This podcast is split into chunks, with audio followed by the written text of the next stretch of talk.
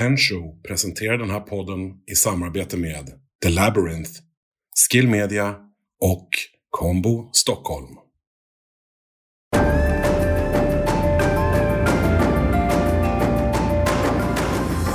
Dagens gäst, eh, Kjell A Nordström, som är ekonomidoktor i internationellt företagande. Det stämmer. Och eh, om jag har förstått saken rätt så är du lite granna av en eh, föreläsningarnas och ekonomins rockstjärna på, på den himlen.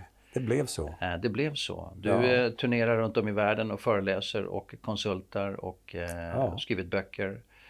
Funky Business bland annat som gjorde, som gjorde jobbet. Så Den du, gjorde jobbet. Den gjorde jobbet så att du plötsligt hackade, fick, fick, fick rockstjärnestatus. Ja, det blev så. Och varför jag lägger till det, här, det blev så, är därför att det är lätt att se i efterhand. Det kan till och med se ut som det fanns en plan, det fanns det inte. Nej. Utan det var en serie med händelser som, där det ena gav det andra, det tredje och det fjärde, som slutade med en Bob Dylan-turné. Det vill säga evig turné. Okej. Och eh, ofrivilligen så kom jag in i den cirkusen ungefär 1999. Jag hade gjort små saker innan, men 99 smällde det och då gav jag mig iväg. okej. Och där varit är du fortfarande? Där är jag fortfarande och tillfälligheten var ju den där texten, den hette Funky. Och business, det var ju två ord som inte förekom tillsammans annars. Nej. Jag var gift med en sångerska och hon kom hem från jobbet ofta och jag frågade vad hon hade gjort och då gjorde hon lite moves och sa att det, det var funky idag. Och så sa hon funky, Okej. med P-H-O, funky. Funky. Då var det extra bra när det hade varit Okej. funky. Och vi höll på att prata om det där med funky och att saker var funky och till sist blev det funky business. Right. Och titlar har jag fått lära mig med åren. Det spelar roll. Det spelar roll. Ja, förläggare de, lär ju, de plockar ju fjädrarna av en ganska snabbt och säger ska du sälja böcker? Ja, då är det titeln och omslaget som gäller. Ja, men innehållet, det är inte det du säljer bok på. Nej. Alltså det är lite tråkigt att, att höra. det är lite tråkigt att höra. Det var att den den första gamla gången. allt går att sälja med mördande reklam. Eh, devisen liksom. Det handlar bara om att man förpackar det rätt. Och det, det ligger väldigt mycket i det. Därför att jag menar om man tittar på en mängd lyxvaror sådär som då, då om man ska köpa till exempel lukt, lite lukta gott vatten sådär. Eh, och så köper man den och så eh, torkar man sig under armhålan och sen så kommer den där lilla lådan och förpackningen. Det är ingen lek. Nej, den är ingen Det är lek. som man har köpt en Rolex-klocka fast det är lite parfym bara. Och de som ju tog det där till en, jag ska gå så långt som att säga en konstart, var ju Apple.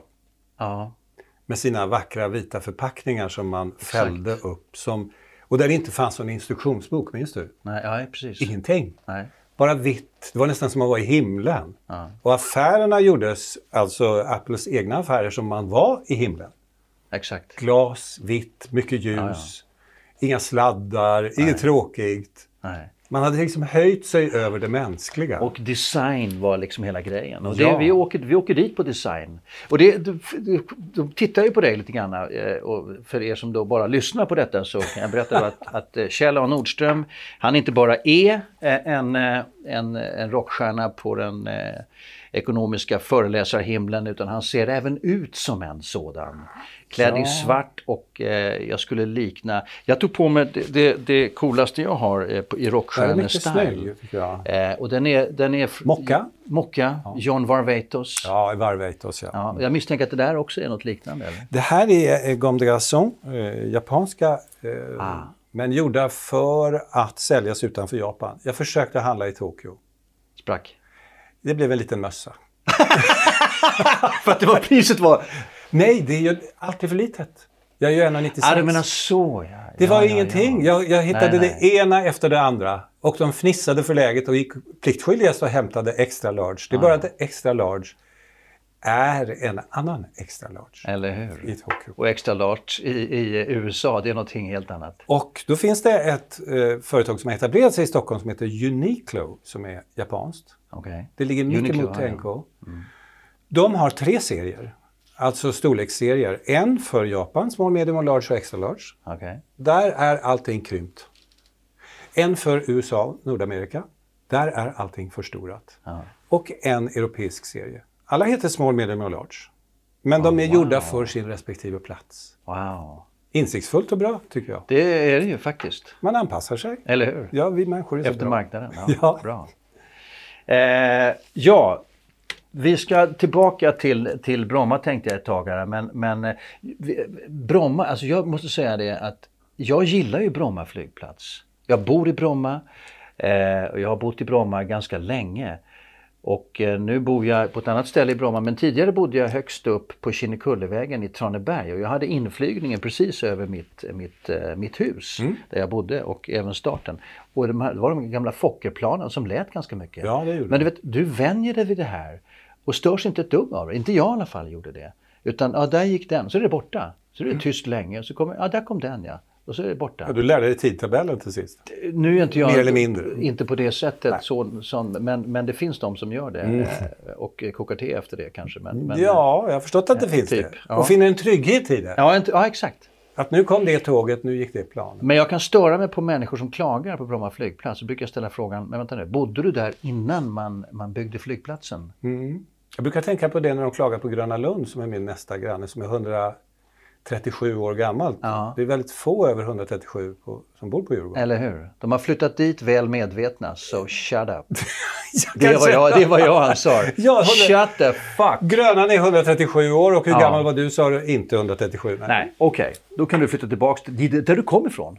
Och sluta gnälla här. För den här låg här före dig. Det finns ju massor med människor som skulle vilja byta tror jag. Absolut! Och ta lite åkljud och lite annat skrik. Och Ja. sånt där. Och lite, Ja. lite brum-brum. Och nu idag låter ju planen mindre dessutom. Dessutom kommer vi ju ofta till en stad av någon anledning. Vi kan prata lite om städer sen för de Ja, är, det händer så mycket med våra städer. Inte minst nu i ljuset av det här coroneriet. Låt oss gå in på det. Berätta. Ja, den blir en donut ser det ut som. Vi hade en enorm urbanisering som startade ungefär för 100 år sedan. När spanska sjukan härjade, Ja. Det är ungefär 100 år sedan. Då hade vi två städer på hela planeten med mer än en miljon människor. Tokyo och New York. London och Peking. London och Peking. Många kineser redan då. Commonwealth, alltså ett imperium. Det var ju fortfarande ett imperium då. Ja.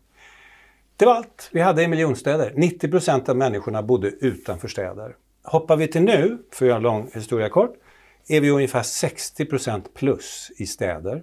Vi har över 450 städer med mer än en miljon. Några kommer upp i 40 miljoner. Wow. Tokyo är 37,5. Chongqing i Kina ligger på ungefär samma. Moskva säger att de är 12 men är troligen 18 för de har en, eh, det har att göra med folkbokföring och sånt där. Ingenting nytt med, med virus, det har alltid kommit och gått. Men nytt är ju hur vi bor.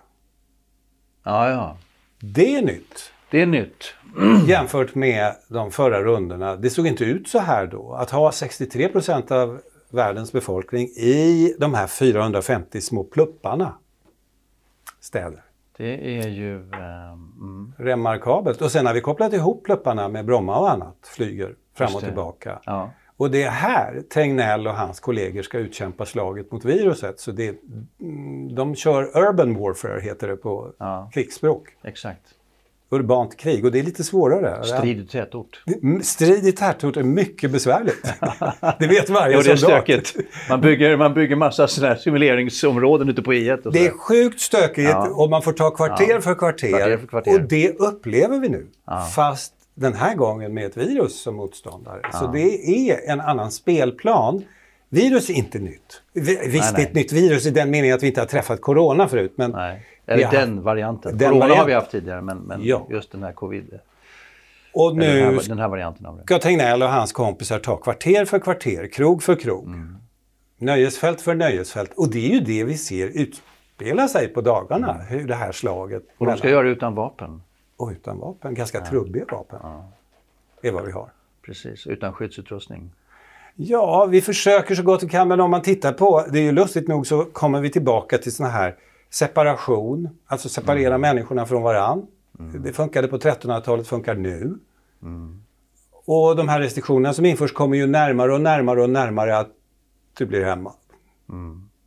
Och jag blir hemma. Och så får vi gå ut om vi har med oss något trevligt kvitto då som berättar att vi ska till apoteket. Eller Eller som den här damen i, i, Spanien, när man fick gå ut med hunden. Hon, hon var så förbannad så hon gick ut med sin sköldpadda. för att få promenera. Ja, men jag förstår det också. Jag för vi det människor har Ja, ja, ja. en skapande Absolut. förmåga. Kris Ja. och vi hittar på grejer. Jajamän, så är det. Och det syns nu, för nu hittar vi på... Jag har ju jämfört i den här texten coronakrisen med en tidsmaskin. Som Man kan se Hollywoodproducerad film. Hur vi klev in i en tidsmaskin förra våren. Och på tio veckor tillgodogjorde vi tio år. Vi reste tio år. När det gäller våra shoppingvanor, när det gäller hur vi arbetar, har styrelsemöten, undervisar på högskolor och även i grundskola gradvis introducerades nya undervisningsmetoder. Det hade aldrig skett utan att tidsmaskinen hade kommit där på våren och skyndat på. Jag träffade en säljare häromdagen som säljer eh, tunga maskiner till byggindustrin. Han hade 200 resdagar om året innan pandemin. Han hade tre förra året. Han berättade, hade jag sagt till min chef att jag skulle träffa kunderna på sån här Teams-plattform eller Zoom, jag hade fått sparken direkt. Nu är kunderna, cheferna och han eh, eniga om att det här, det här är ju ganska lovande. Och jobba på det här sättet. Jo, men det här med, med att man eh, Teamsmöten, det finns ju någonting. Jag som skådespelare vet ju vad som händer i ett rum när det finns andra levande människor. Kontra om man sitter och har Teamsmöten. Jag har också suttit i Teamsmöten och du, eh, du, du har väldigt svårt, det, det är någon känsla, det finns så mycket, jag menar vi människor, man brukar säga att eh, ordet, det talade ordet, det är ungefär de där tre tiondelarna av isberget som vi ser på ytan. Resten av den mänskliga kommunikationen sker under ytan på alltså sju tiondelar på frekvenser Ja. som vi inte riktigt har koll på vad det är hur de Ja. hänger ihop och vad, vad handlar det här om. Men vi kan känna, vi läser av och vi läser av intuitivt och vi kan se signaler hos varandra, känna signaler hos varandra Ja. som man inte kan göra eh, genom en dator. Eh, faktiskt eh, har jag upptäckt. Och det gör det här, de här Teamsmötena väldigt, lite fattigare kan jag tycka. Forskare Oerhört mycket fattigare. har hittat på...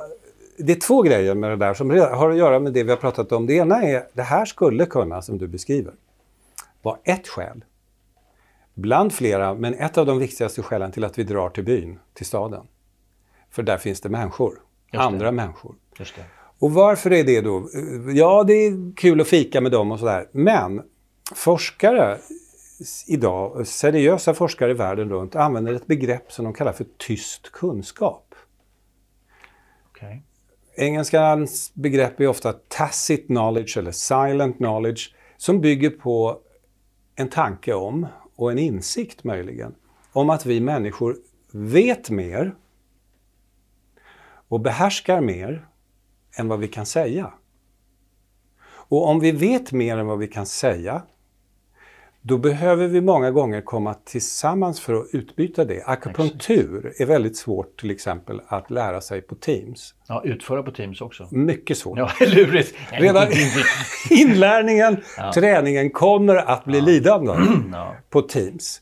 Men med en skicklig akupunktör ska det nog gå att göra något av både dig och mig om vi får gå nära den länge, läsa lite, träna, gå sida vid sida, pröva, nej, nu, nu ligger du fel där. Men då måste vi vara nära, nära, nära. Ja. De här forskarna, jag själv ansluter mig till dem, tror att när saker blir tillräckligt avancerade, när det blir tillräckligt avancerat, oavsett om det gäller ekonomi, bankverksamhet, arkitektur eller konst, då måste vi vara nära. Det som är lite mer trivialt, beställa en taxi, då kan vi sätta växeln på Nämndö i Stockholm. Det är inget problem. För den Nej, ligger nej. där. Den la, lades ut där. Ehm, vi kan lägga ut definierade exakta uppgifter och använda teknik. Men när det blir lite mer sofistikerat, då måste vi vara nära varandra. Eftersom vi kan och vet mer än vad vi kan säga. Vad vi kan säga. Det där tror jag är väldigt sant alltså. Därför att eh, det där är en intressant forskning. För det där tycker jag man upplever, det har jag alltid upplevt att jag kan mer än vad jag kan säga. Och jag tycker att världen är jävla idioter som inte begriper att jag kan mer än vad jag kan säga. Ja, det är menar, en... om man tar Tornedalen till exempel, där är det ett karaktärsdrag. Mm. Därför att en tornedaling till exempel Jag gillar att dra svepande generaliseringar. Ja, jag älskar ja, det. Eh, det spelar ingen roll. Du kan berömma en tornedaling tills, till- till- tills du tappar tänderna av utmattning. Eh, men, men det spelar ingen roll. Det är inte nog ändå. Det är inte nog ändå. Nej. Världen har inte förstått hur bra den här tornedalingen egentligen är. jag har flera i min närhet som jag har eh, dragit där. Det är givetvis en generalisering. Eh, och eh, självklart kan man ju inte säga så, men nu sa jag så. Nå, jo, men jag kommer från Finland från början och talar så här som Mumintroll. Och, Ja, men det är och- vackert. Jo, det är Jag väldigt fint. älskar den, den finlandssvenska dialekten. Med alla ändelserna uttalat och sådär. Och, och då lär man Ja. sig ganska tidigt i livet att man kan umgås och, och vara tysta till exempel. Ja. Och också det här med beröm är väldigt speciellt Ja. i den finska eh, kontexten. gärna. Inte gärna. Nej, Nej. för Ehm. dem kan tro att det är något. Det kan de. Och, och, Och sen, de behöver det inte. Nej, det går också bra med bara en nickning. Just så.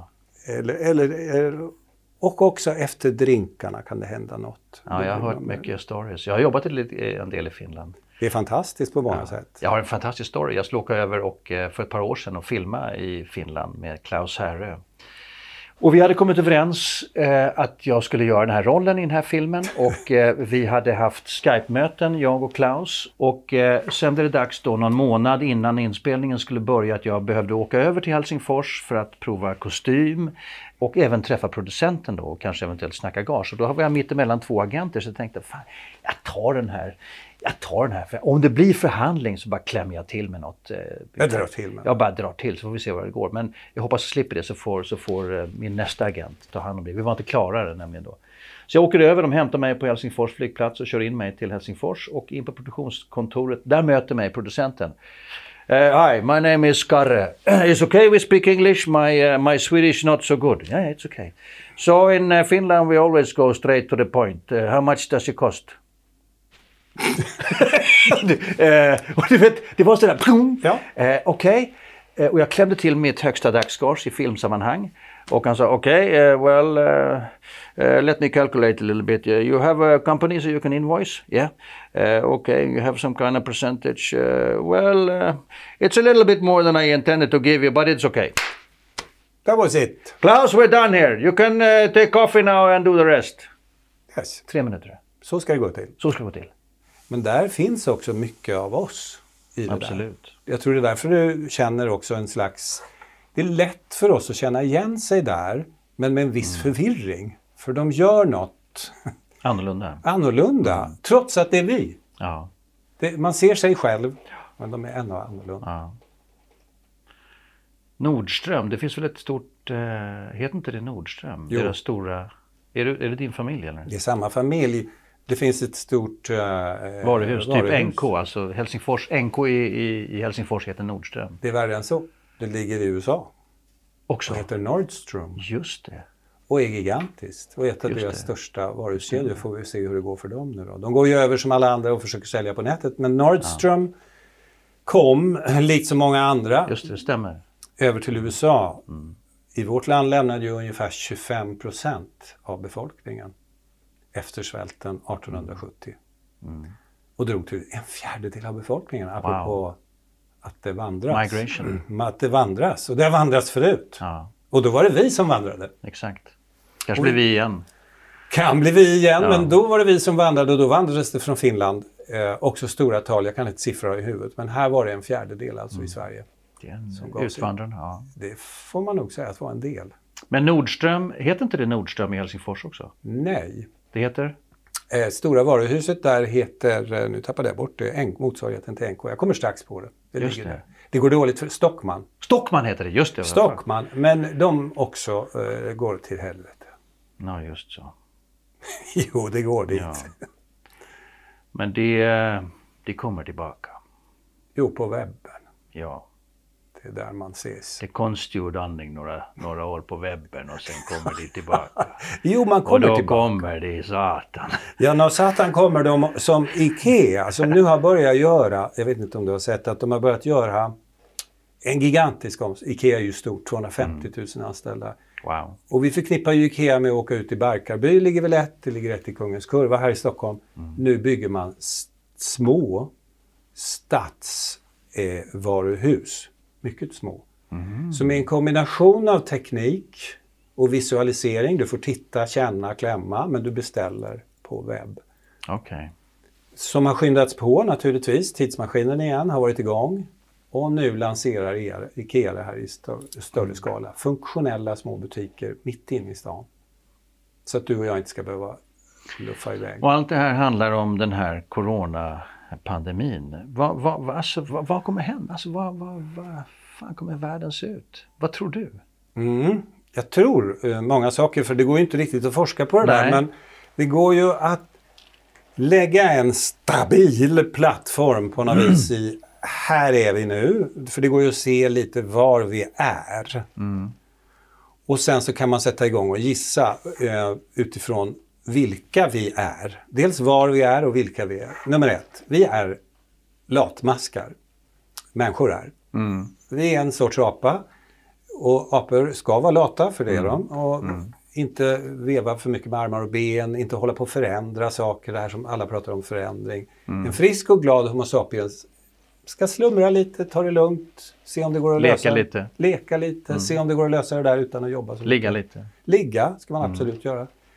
Men inte hålla på, böka och stöka. Vi låser ju in dem som stökar för mycket så att säga. De får ju gå på sjukhus. Det gör att vi förändrar oss inte så gärna om det inte är rejält yttre tryck. Men om trycket, både i vårt privatliv och i samhället, kommer upp på en viss nivå, då förändrar vi oss. Och nu gör vi det. Vi förändrar oss. Våra shoppingvanor, vårt sätt att arbeta, utbilda oss och leka ävenledes förändrar sig nu. Det är ju en rimlig hypotes att apan fortsätter att vara lat om tre år. Nu har apan lagt sig till med nya vanor. Vill inte gå tillbaka till gammal vana. Nej, är nej. lat. Sitta och Apa. åka till jobbet varje dag? Nej, men det verkar väl jobbigt nu när jag har lärt mig att jag kan vara hemma tre dagar i veckan.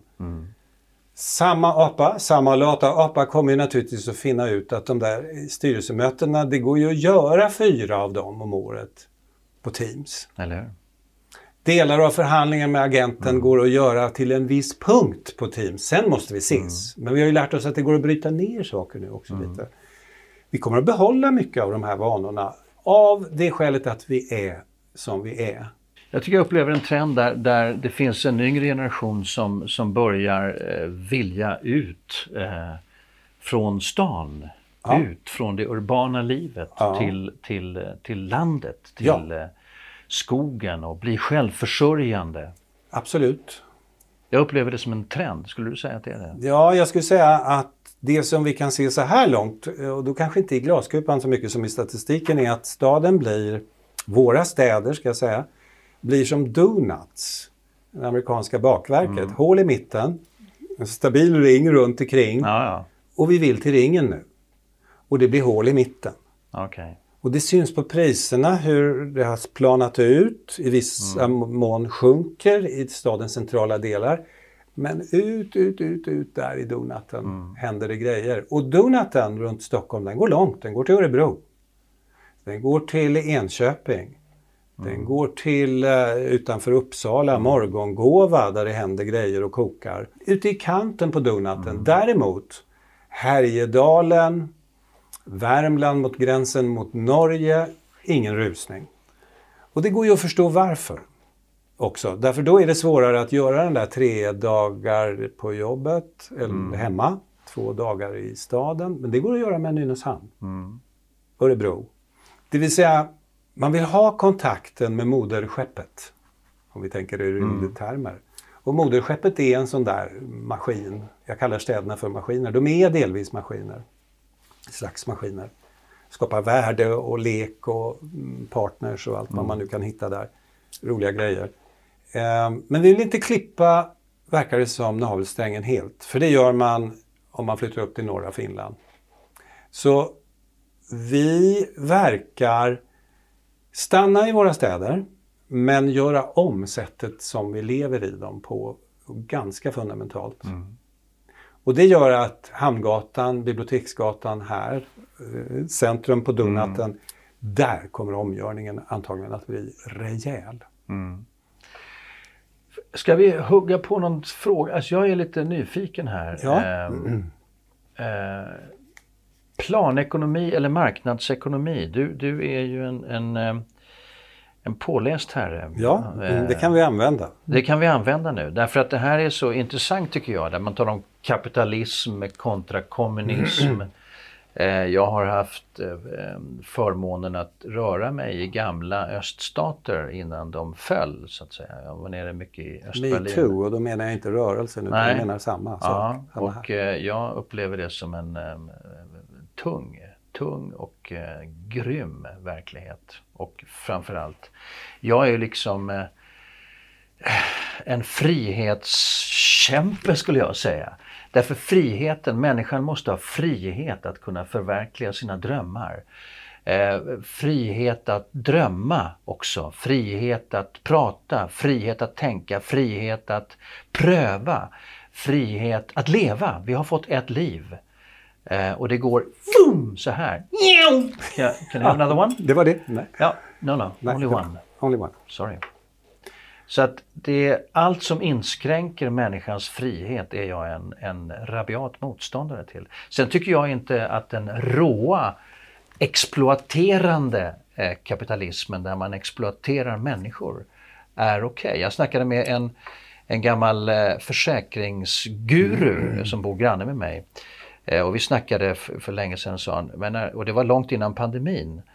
Eh, och då sa han det här, ja alltså jag menar Sverige är så pass rikt land, vi skulle, vi, vi har, vi, det är kanske 10% av befolkningen. Det här var långt innan också eh, vi hade eh, ändrat demografin, eller, alltså eh, sammansättningen av den svenska befolkningen med, med en stor migration. Då sa han, vi, vi, om vi vill, så de, de 10% som vi behöver, som behöver hjälp, de har vi råd att hjälpa. Det är inga problem. Så det är inte problemet. Det är, liksom, det är bara politisk vilja så hjälper vi dem. Och sen så kan, då, om, om de har en, en, en, hjälp så att de liksom överlever och inte, inte behöver förnedras för att få den hjälpen. Så, så kan kanske ett antal av dem också ding, ding, ding, eh, komma tillbaka och vara med och sprattla i, i, dansen igen ett tag och tycka att det är kul. Eh, och en del gör det inte, men då får de ha kvar den hjälpen. Och det tycker jag att ett samhälle ska, ska ha råd med. Och vi i Sverige har absolut haft råd med det. Jag säger haft råd med ja. det. Och det här är så spännande, mm. det alltså, vi behöver inga fler teman. För det berör ju alla saker som jag tycker är spännande ja. på en gång. Eh, nummer ett, marknadsekonomi har tagit över alltihop. Det är 200 länder ungefär på jordens yta. Ibland är det 196 och ibland är det 201. Det beror lite på Ryssland vandrar ut och in och grannländer. Stökar till det. Men, ja, ja. men vi, vi, säger 200. Ja. Alla har nu marknadsekonomi eller är kapitalistiska utom ett. Det är bara Nordkorea kvar. Alla andra kastar in handduken. De har något som heter Juche. Som är någon blandning av finsk sisu, religion och stalinism. Och sen rör man om utav bara helvete i grytan. Så får mm. man ungefär det de har. Men alla andra länder har nu introducerat eller låtit marknadsekonomin ta över helt. Och det har aldrig varit så. Jag var tidigt i eh, Sovjetunionen, dåvarande Sovjetunionen, och var en av de rådgivare som skickades ut från Handelshögskolan för att vara med och stöka och ställa om de där ekonomierna i öst. Mm.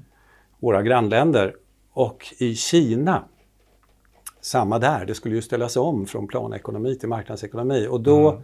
sopade man ihop allt som var löst och som vågade åka Mm. I USA, Kanada, Sverige skickade över rådgivare. Det var inte så förfärligt många, det låter som det var tusentals, det var vi inte alls.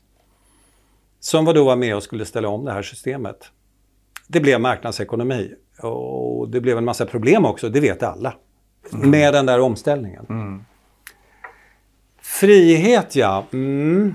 Eh, det finns ingen idag, det är lustigt, marknadsekonomi handlar om konkurrens brukar man ju säga. Mm.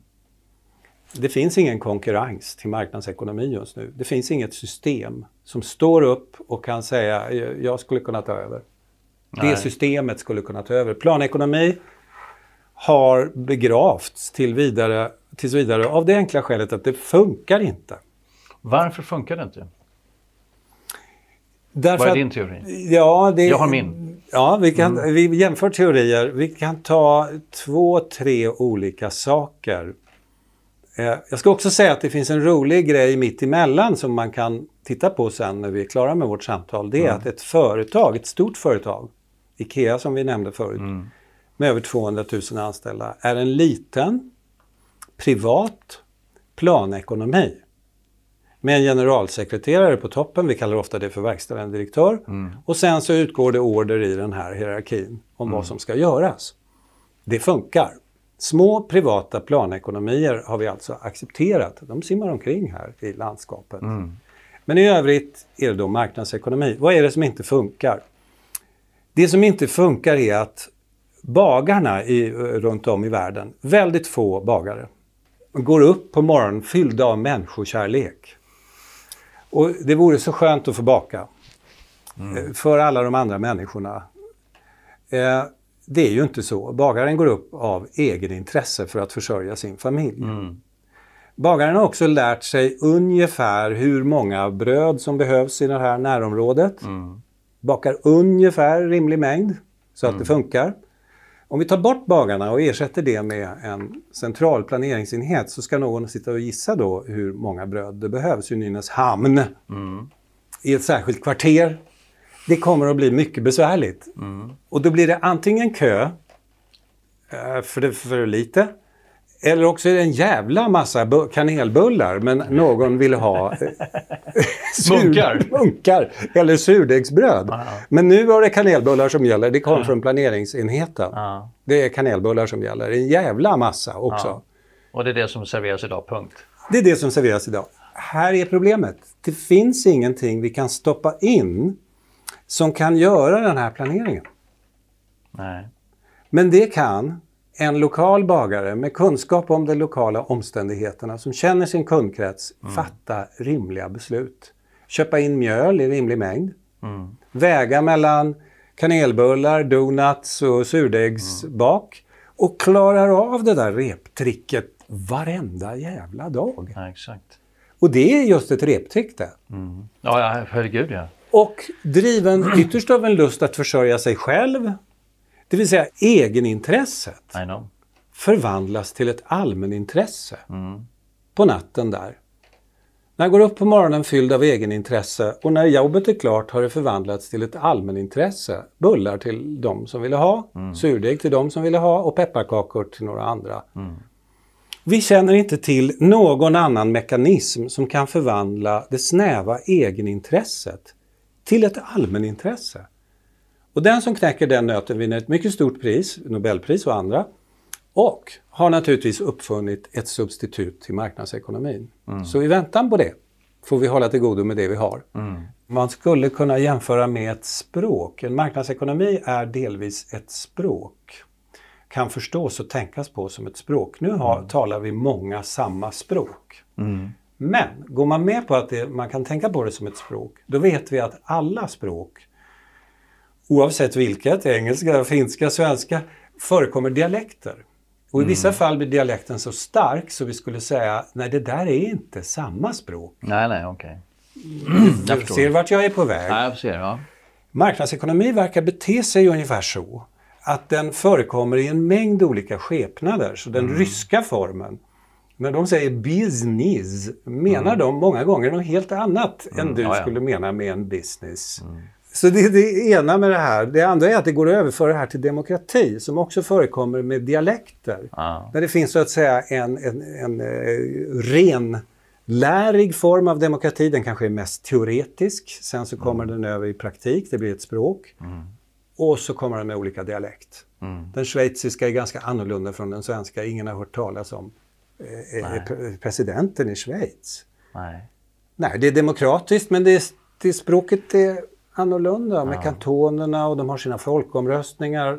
De gör saker som är viss förvåning En för del oss. hävdar ju att den schweiziska formen är, är, är mycket, mycket närmare det, det begreppet vad demokrati egentligen bör vara. Det är en stark dialekt. Mm. Det är en stark dialekt. Väldigt det är en stark. tydlig dialekt. Väldigt tydlig, väldigt stark, väldigt annorlunda från vår egen och där vi skulle också ha svårigheter att förstå, så att säga, i någon slags språklig eh, mening.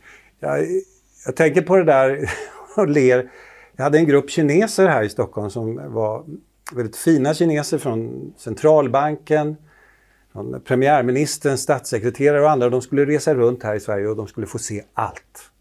För det här var under en lång period en förebild för en stark stat men ändå fria företag och en slags mm. frihet. Så de tittade på oss nyfiket. Hit kom de, vi reste i tre månader, de fick träffa direktörer, de fick träffa familjen Wallenberg, vara på centralbanken och när det är slutfest då flyttar chefen sig närmare och närmare mig och tänker nu är det grejer på gång här. Mm. Han tar ett järn till och han kommer bara närmare och närmare. Sen säger han det, vi, nu är vi ju vänner, säger han med sin, med sin typiska kinesiska brytning. Ja, friends, säger han. Vi är friends. Ja, ja, vi är vänner, säger jag. Efter, vi har ju umgåtts länge mm. nu. Då vill han ställa en fråga. Nu har han ju varit här länge och undrar om jag är beredd på det. Jag tänker, ska han hoppa av eller? Ska, för han byggde upp det. Ja, ja, ja. Jo, de har diskuterat det i gruppen och nu har det gått tre månader. Vem är det som sätter priserna på det här stället? Ja, men nu har vi varit här i tre månader, nu kan vi väl sluta med den här charaden. Mm. Vem är det?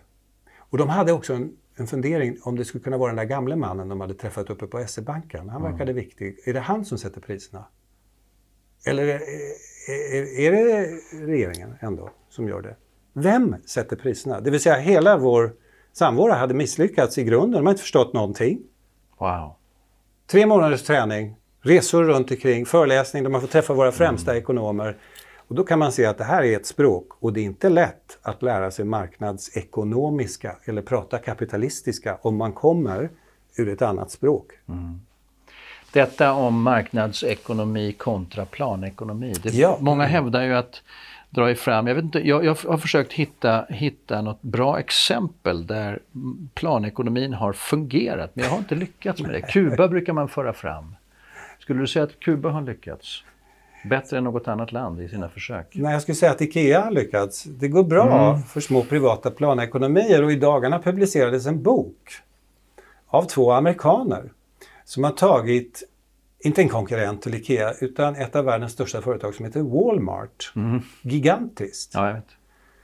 Som börjar närma sig någon miljon anställda, har en omsättning mm. i storlek wow. med svensk eh, bruttonationalprodukt. Det är ett gigantiskt företag, men det är också en planekonomi. En icke-demokratisk planerad ekonomi. Där centralmakten bestämmer hur man ska klä sig, när vi börjar jobba, vad vi ska köpa in, vad priset ska vara, sett centralt. Det är små privata planekonomier och de fungerar utmärkt. Vi är ju så glada för de där små privata Volvo lastvagnarna. Men i, men i länder tycker jag sådär, jag undrar liksom vad som har hänt. Jag, min, min, min eh, min idé eller min, min teori om att planekonomier inte funkar när det gäller länder är att det är människan som så att säga eh, är problemet.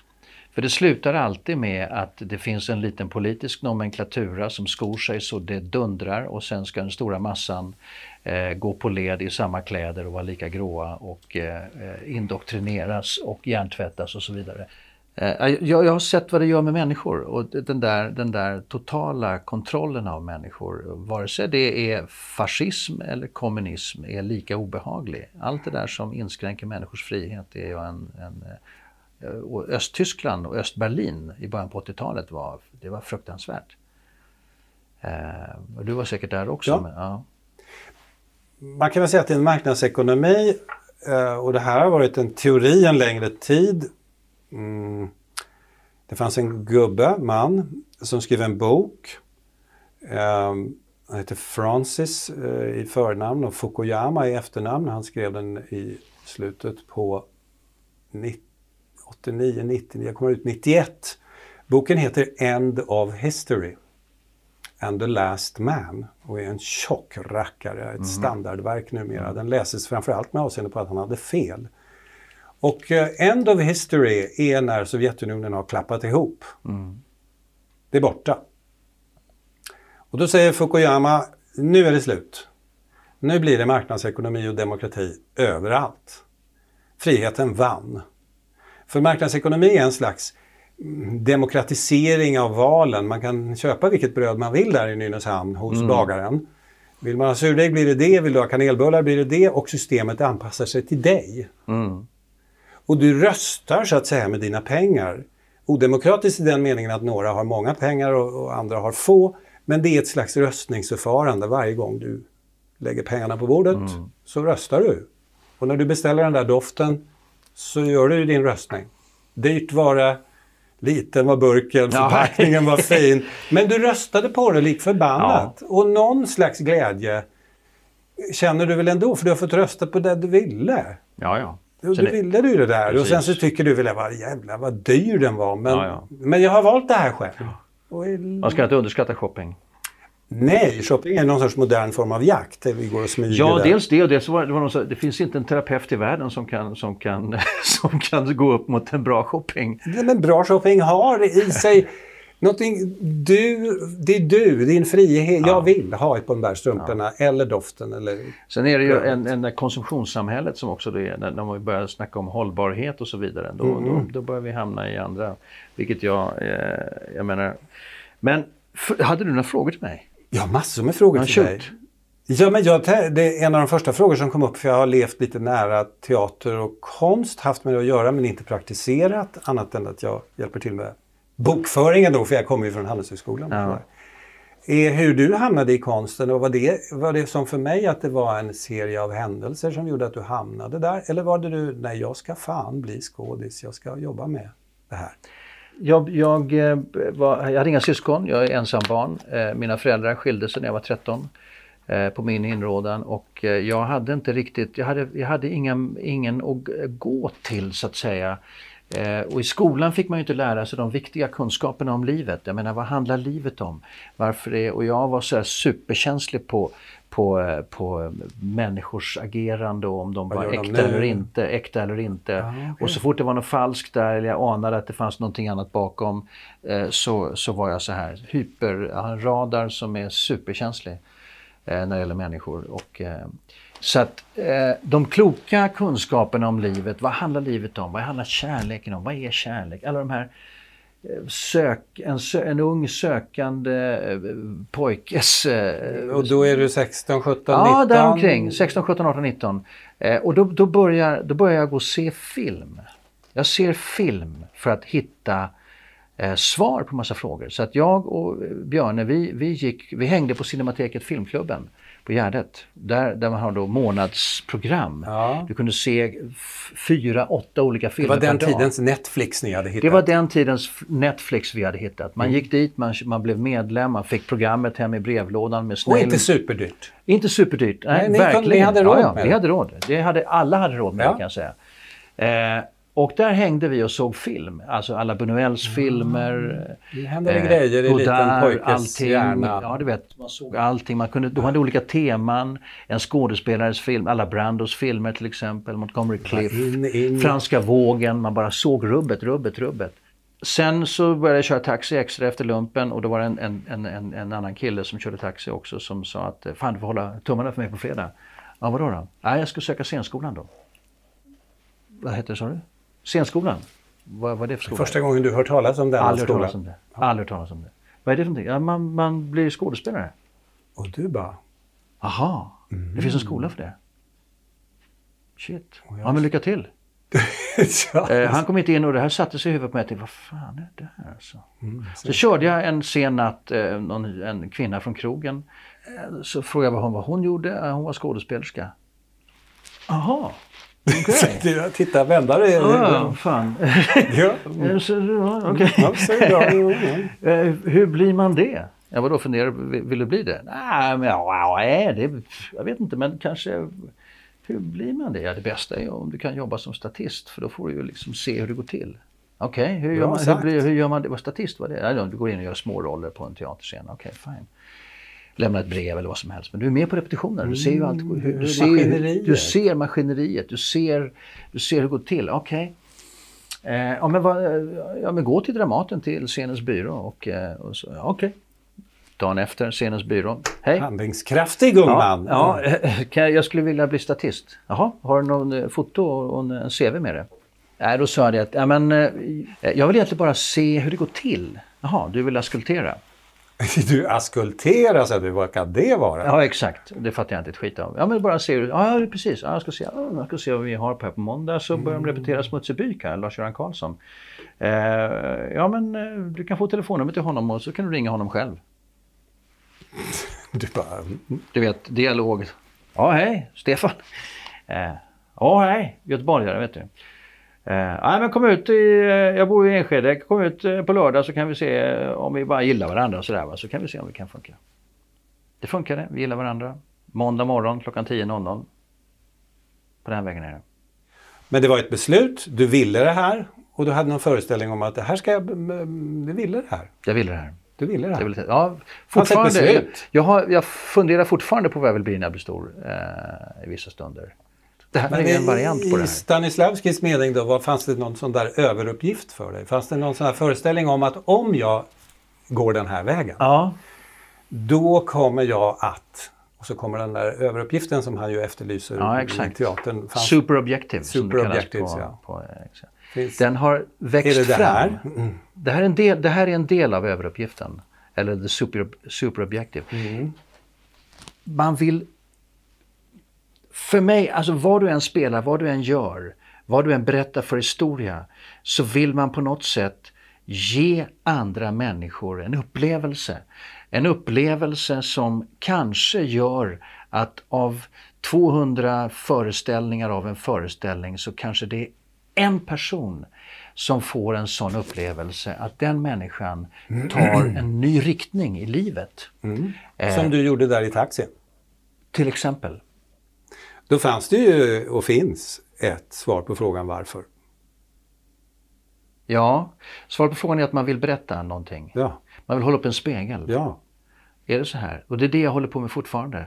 I alla dumma grejer jag håller på med. Eh, det här är ett, ett sätt att hålla upp en spegel. Är det här bra? Är det här, det, har ni tänkt på det här? Är det här bra? Jag tänker på det ofta nu i dagarna och under det här året som har varit att så många nu flyttar in framför en kamera. Ja, Så många människor gör ju det. de gör det. Doktorer gör det på Dr. Kry. Där sitter de i skärmen. Styrelseledamöterna flyttar in där. Lärarna flyttar in på Teams-plattformar i förhållande till sina ungar. Och att eh, det här ställer ju helt andra krav på advokaten, doktorn, läraren och Ja. allihopa att vara framför en kamera. Exakt. Och jag ser också hur tafatta några av oss är nu i början framför den där kameran.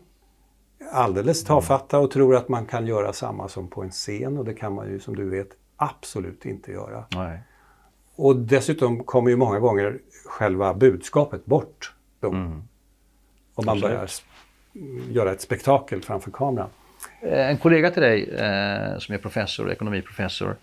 Eh, jag snackade lite grann med honom innan, innan vi skulle prata och ha det här samtalet. Och han, han bekymrar sig lite över någon rapport som är skriven av eh, universitets, eh, kommer från universitetskanslerämbetet. Ja, Där det tydligen då produceras mindre och mindre eh, vetenskapliga rapporter eller, eller, eller dokument eller, eller vad man nu säger i Sverige. Eh, ehm, och menar på att, att det har blivit så att identitetspolitiken har flyttat in. Är identitetspolitiken en fara för, för, för eh, alltså han menar på att det, där, det har flyttat in och blir fokus på fel saker. Eh, upplysningsprojektet byggde på ett par enkla saker. Som ofta är om man går till roten av roten och roten och sen hittar ursoppan som det heter i biologi. Så byggde det på att hitta gemensamma mönster. Det bygger på det. Det är själva idén med vetenskap, att hitta någonting som upprepar sig över tiden och rummet. Och det ska gärna vara stabilt och repeterbart. Det vill säga, du har gjort din forskning. Jag ska kunna ta det och repetera försöket och få samma resultat. Det är själva idén. Sök det gemensamma. Och när man har uppfyllt vissa kriterier, då stämplar vi det. Det, det är forskare som sitter på den stämpeln. Sant, så här som tomten gör. Mm, exakt. Ni vet, han brukar stämpla okej. Ja. Vi sitter på den stämpeln. Jag säger vi då, forskare sitter Mm. på den stämpeln. Vi har ingen annan stämpel som kan säga det är sant. Det där är, det är sant. Exakt. Identitetspolitik, då flyttar man lite vagnen uh, i förhållande till hästen och börjar med att leta efter en grupps särdrag. Mm. Det vill säga det är absolut motsatsen till upplysningsprojektet när vi mm. letar efter vad är det som är gemensamt? Mm. Här letar vi efter vad är det som är skillnaden mm. mellan män och kvinnor, mellan invandrare och svenskar, mm. mellan de som kommer från Syrien och från Somalia, mellan somaliska kvinnor och turkiska, kurdiska kvinnor. Mm. Där finns det skillnader, de ska vi nog ta och belysa. Mm. Det vill säga man börjar i en annan ända, sökandet efter skillnaderna. Mm. Istället för det gemensamma. Det är klart att det ställer ju hela det vetenskapliga projektet på ända. Och för någon som är tränad då i den, den ska vi säga 250 år gamla traditionen att leta efter gemensamma mönster mm. blir det här förfärligt frustrerande och besvärligt. Mm. För det första, på individnivå. Och för det andra kan man ju fråga sig, behöver vi forska på det faktum att människor är och alltid har varit olika. Behövs det ytterligare forskning på det? Vi är olika. Punkt. Punkt. Och gjorda av evolutionen på det sättet. Det är menat mm. att vara på det sättet. Mm. Är inte sökandet efter det gemensamma det stora projektet? I en värld av olikhet måste väl ändå vara det gemensamma som är icke-trivialt att leta efter. Eller hur? Och det gemensamma kan också det är ju där man hittar och kan hjälpa varandra och liksom utveckla varandra. Och skapa ett språk. Skapa ett språk. ett språk. Så att vi kan tala och med varandra. Och skapa gemenskap. Och gemenskap. Hitta system. Mm. Allt ifrån medicinsk behandling som fungerar på alla människor. Mm. Oavsett om de kommer från en före detta kolonialmakt, om det är män eller om det är kvinnor. Mm. Hade det nu varit en rejäl identitetspolitiker i rummet så hade den sagt ja men titta bara på forskning när det gäller mm. hjärtats funktion. Det är eftersatt när det gäller kvinnor. Mm. Eh, ja, det är det. miljonersklubben. Ja, och det finns många fina och tungt vägande argument för att vi naturligtvis också måste uppmärksamma att det finns skillnader i det generella. Mm. Men Tillbaka till huvudfåran. Sökandet efter det gemensamma. Om vi ger upp den tanken, då tror jag vi är eh, då bygger vi en mycket tråkig tillvaro för oss. Splittrande. Den är sönderdelande, splittrande. Mm. Tack mm. för ordet. Det är precis vad det är. För det är sönderdelningens princip vi då börjar leta mm. efter. Och det är, och det finns de idag som går så långt som att säga att det här är förklädd. Visserligen bra förklädd, rasism. För det är vad det är frågan om. Det vill säga där man sätter en grupps särart mm. före och säger, ja men vänta nu, inte leta efter det generella, nu ska vi leta efter det specifika här för mm. den här gruppen. Mm. Och det är det som ska stå i centrum. Då muckar man också gräl. Det gör man. Och, och då blir det, gräl. Och nu är det gräl. Ja. Det är ju precis vad det är ja. på många punkter. Jag tillhör de som efter alla böcker och all den forskning som trots allt menar att det har blivit i genomsnitt mycket bättre i vår värld. Mm. För fler människor än någonsin. Mm. Någon gång. Eh, det innebär inte att projektet är färdigt, men aldrig någonsin har så många getts möjlighet att leva ett någorlunda, någorlunda eh, vettigt liv. Och de sista mm. 30 åren har varit spektakulära när vi har lyft nästan 3 miljarder människor ur extrem fattigdom mm. upp till lägre medelklassliv. Eh, sen har vi våra egna frågor att sträta med här hemma. Men i genomsnitt och sett över hela globen, climate change inkluderat, som är ett stort problem, det går ganska bra för människorna. Mm. Jag tror att eh, jag hyllar ju alltid nördarna. Jag, tycker, jag, jag gör verkligen det. Det är nördarnas tid nu. Det, ja, för nördarna är de som har utvecklat samhällen och utvecklat mänskligheten. Som någon, någon som snöar in på någonting och kommer på att ja, men fan, man kan få göra blixtlås här. Ja, det är en bra ja, Du vet. Eller man kan köra kylskåp, eller man kan mm. göra kullager. Container. Man kan, telefon, container nördar. Det är de som, så här, innovation är ju... Eh, jag förstår att du brinner för det och ville bli uppfinnare en gång. Ja, jag ville bli uppfinnare. Ja, och tycker du att Sverige är bra på att ta hand om sina uppfinnare? Inte på att ta hand om, men vi är uppfinningsrika. Människorna? Människorna är Människorna uppfinningsrika. Men de måste tas hand om? Ja, de måste pysslas lite med. Och det Ja. var svårt, svårt, svårt. Långt fram i modern tid. När jag gick på Handelshögskolan så var det ingen som ville starta eget. Nej. Vi hade en kille som dök upp andra året. Honom kallar vi för Luffaren. Och Luffaren han hade idéer om att han skulle starta guldsmed och han skulle handla med guld och han skulle göra. Och ni har ju själv vad vi tyckte om Luffaren. Eller hur? hur vi såg på Luffarens Eller hur? inriktning. Vi andra skulle till SE-banken, utrikesförvaltningen och vart vi nu skulle. Ja. Starta eget? Nej, nej, nej. Sådana grejer håller man inte på med. Det här har ändrat sig. Nu vill tjejerna och killarna som kommer till den där skolan ofta vara med och göra någonting, skapa ett nytt företag tillsammans, gärna med en innovatör, må det vara medicin eller teknik eller vad det nu är. Det, det har skett en förändring och den är 5, 7, 11 år gammal. Den är inte mer. Nej. Så nu är det då mera hoppfullt även med det, att vi tar bättre hand om det skapande kapital som vi har här. Men det är nytt för oss att göra det, så vi är lite valhänta. Vem, vem, vem skapar pengarna? Var kommer pengarna ifrån? Var kommer pengarna ifrån? Pengar är bara en överenskommelse, det är en låtsasvara. Den är påhittad. Eh, Bitcoin eh, finns. Alla vet att bitcoin finns. Det är en arg människa som skriver en text 2008. Han heter Satoshi Nakamoto. Ingen har träffat honom. Det kan vara en tjej. Det kan vara en kille. Det kan vara CIA. Eller det kan vara en, en popgrupp. Det vet ingen. Det är som Banksy, mm, som man tror att man vet vem är.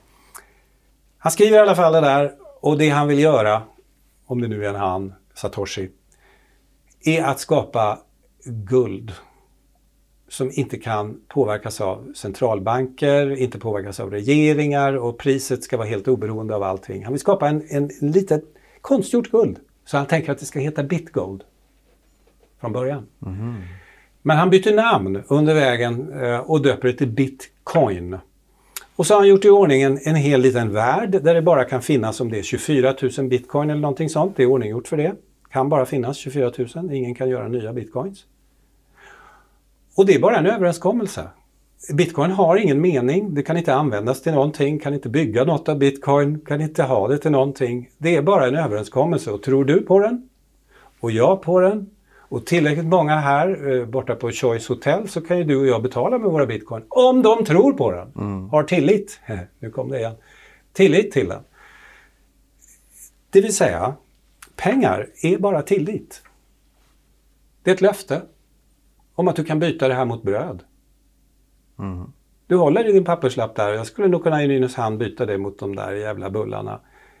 Eh, Men om bagaren säger det där, det där skiten tar inte jag. har, du med dig, har du med dig rupier? Nej, det blir ingenting. Nej, nej. Jag tar inte rupier, säger han.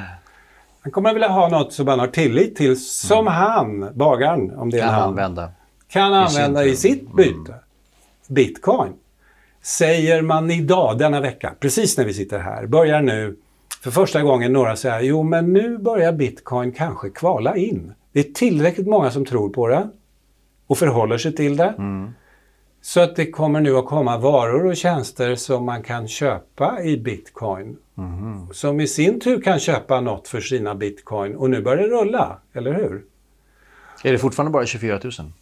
Eh, Bitcoin, det kan aldrig bli fler. Det här är en, han har tillverkat en egen liten värld. Det är en matematisk värld som fungerar på det sättet. Det kan bara bli en visst antal. Jag tror det är 24 000, men det kommer säkert någon av tittarna att De måste vara slut för länge sedan. Nej, de är, Det tar aldrig slut så att säga, för då går ju priset upp. Aha. Så som guld tar ju inte slut. Och Nej, guld kan inte användas till någonting. Det har ingen mening. Nej. I stort sett ingen. Det är dåligt att sätta i tänderna också. Det vi har bättre material. Ja. Så guld har bara egenskapen att du tycker att det är värt något. Och eftersom många andra tycker det är värt något så kan du byta det. Ja, ja. Och så börjar cirkusen igen. Det är bara tillit. Det är en påhittad... Pengar är en påhittad vara. Visst är det lustigt att det kan vara så? Och bitcoin lägger allt det där i dagen eftersom det inte ens går att ta på skiten. Det bara finns i sinnevärlden. Och nu kommer det konst, men det får vi ta nästa gång ja. I den världen. Konst som alltså bara finns i den världen och som handlas i den världen. Där objektet inte finns, som betalas för med någonting som inte finns, men där du ändå upplever att du har fått något som finns. Och därmed slutar vi. Tack. Tack. Tensho presenterar den här podden i samarbete med The Labyrinth, Skill Media och Combo Stockholm.